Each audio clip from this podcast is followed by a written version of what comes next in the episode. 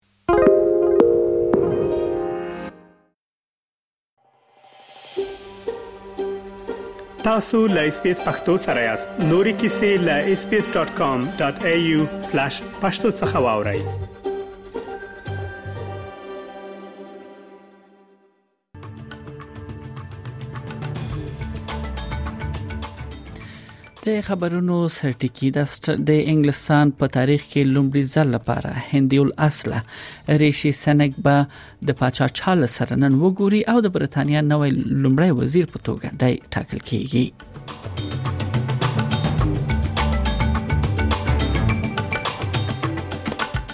لخوا د پاکستان صدر اعظم شهباز شریف ویلي دي د کینیا له ولسمشر ویلیام روټو سره په ټلیفوني یا ټلیفوني خبرو کې د پاکستانی خبريال ارشد شریف د وژنې په اړه د عادلانه او شفافو تحقیقاتو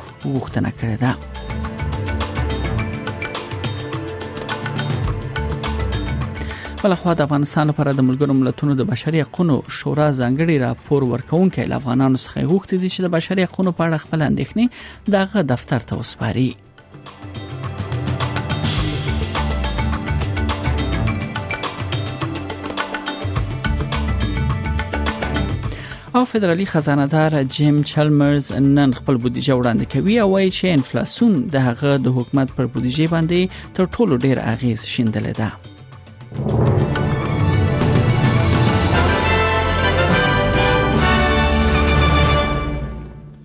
او دا هم بشپړ خبرونه ریشي سنک به نن د پاچا چارلز درې سره وګوري چې د برتانیې د نوي لومړي وزیر په توګه به لوړ وکړي د انګلستان په تاریخ کې لومړی هندي الاصله د یاد هیواد لومړی وزیر کیږي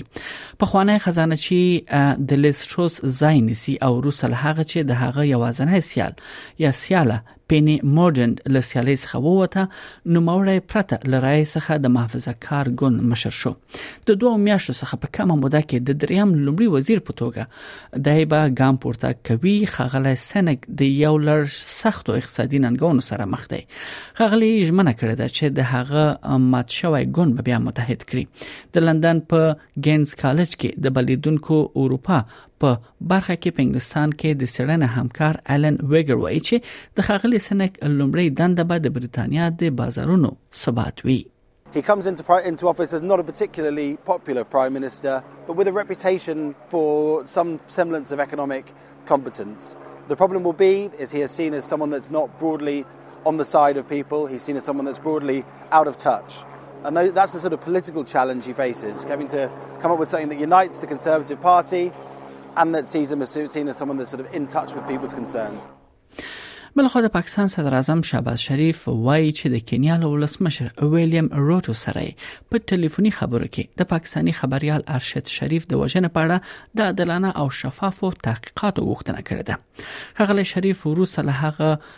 مړ شو کله چې د کینیا پولیسو د هغه په موټر ډزه وکړي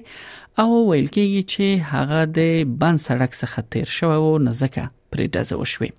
هغه د حکومت سخت یا د پاکستان د حکومت سخت منتقد وو او خپل ژوند ته ګواښونه په ګوته کول د پاکستان بخوانی لومړي وزیر عمران خان وویل چې هغه د حقیقت ویلو او د زورواکو د افشا کولو ورسره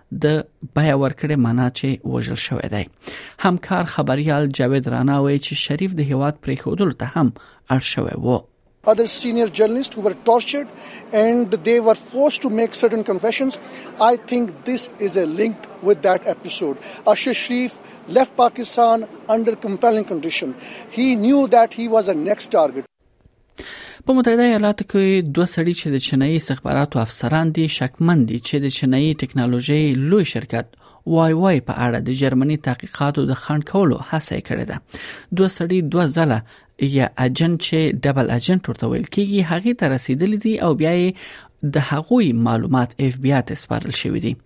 خغلی وړي وایي چې په چین کې د حکومت په کچه همغږي حسه ته اشاره کړې ده او په دې برخه کې د یاد دوه کسانو نیولو په اړه هم خبر ورکړی دی 10 of the 13 charged individuals we're discussing today are Chinese intelligence officers and Chinese government officials.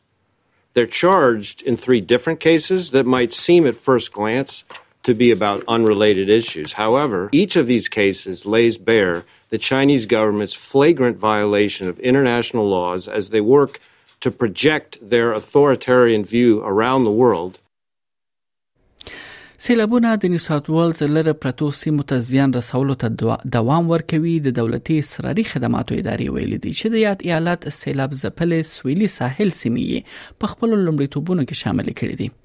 کالین یارګ د ای سی ایس کمشنر دا تایید کړه چې د ایستلو یا ایواکویشن و مرکزونه شتون لري او په ټول ایالت کې له زرو څخه ډیر رضاکاران هم ګمارل شوی دي تر څو راوتلو سیلابونو سره مبارزه وکړي د ای سی ایس د اس ای اس ادارې ته د مرستې لپاره شپږ سو څلور شپېته غوښتنې او یعنی ترې شوې دي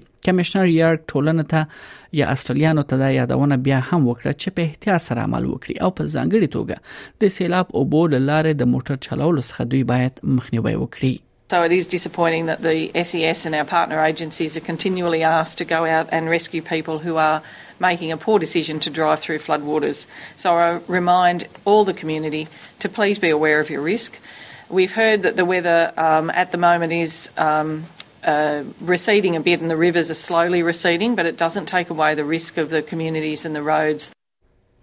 د استرالیا د فدرالي خزانه وزیر جیم چلمرز وایي چې انفلیسیون د هغه د حکومت په بودیجه باندې تر ټولو ډیر اغیز شیندلې ده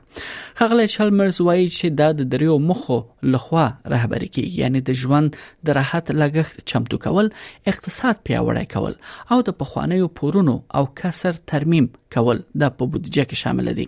دا په داس حال کې ده چې د مالیه وزیر ګیټي ګالر پرون وویل چې کابینه 22 میلیارډ ډالر بچت موندلای دی خغلی چالمرز هله څرګنده کړې ده چې استرالیان به د نن شپې بودجه وړاندې کولو ټول اړخونه خدر کړي And we will take a really responsible approach to the welcome and substantial improvements in the near term. We can provide cost of living relief in a responsible way, but not a reckless way. Uh, we can't spray money around indiscriminately because that would have an impact on inflation and could be counterproductive. And I think Australians understand that.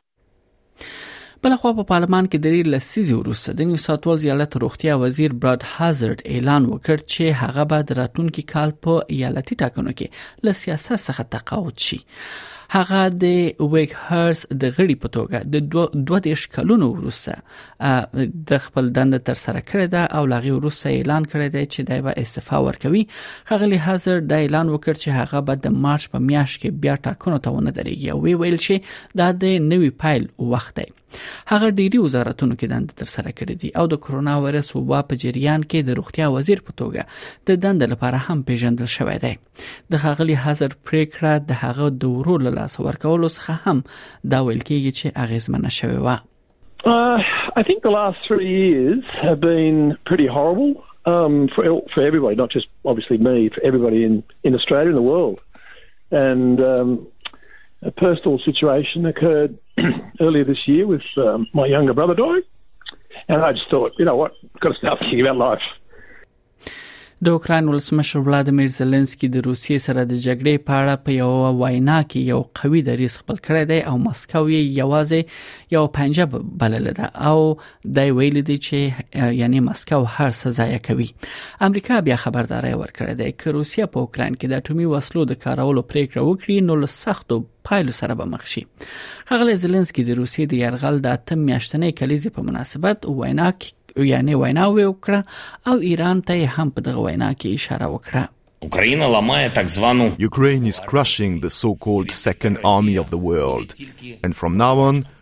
Russia will only be a pawn.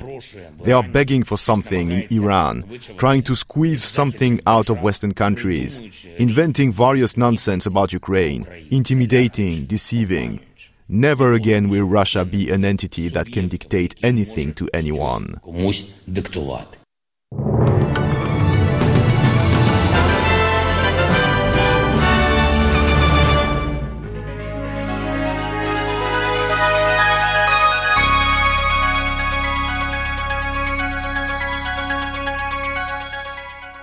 د هم د اصلي ډالرو پر وړاندې د ځینو بهرانیو اسعارو بیه په نړیوالو مارکیټونو کې یو اصلي ډالر 0.3 امریکایي سنت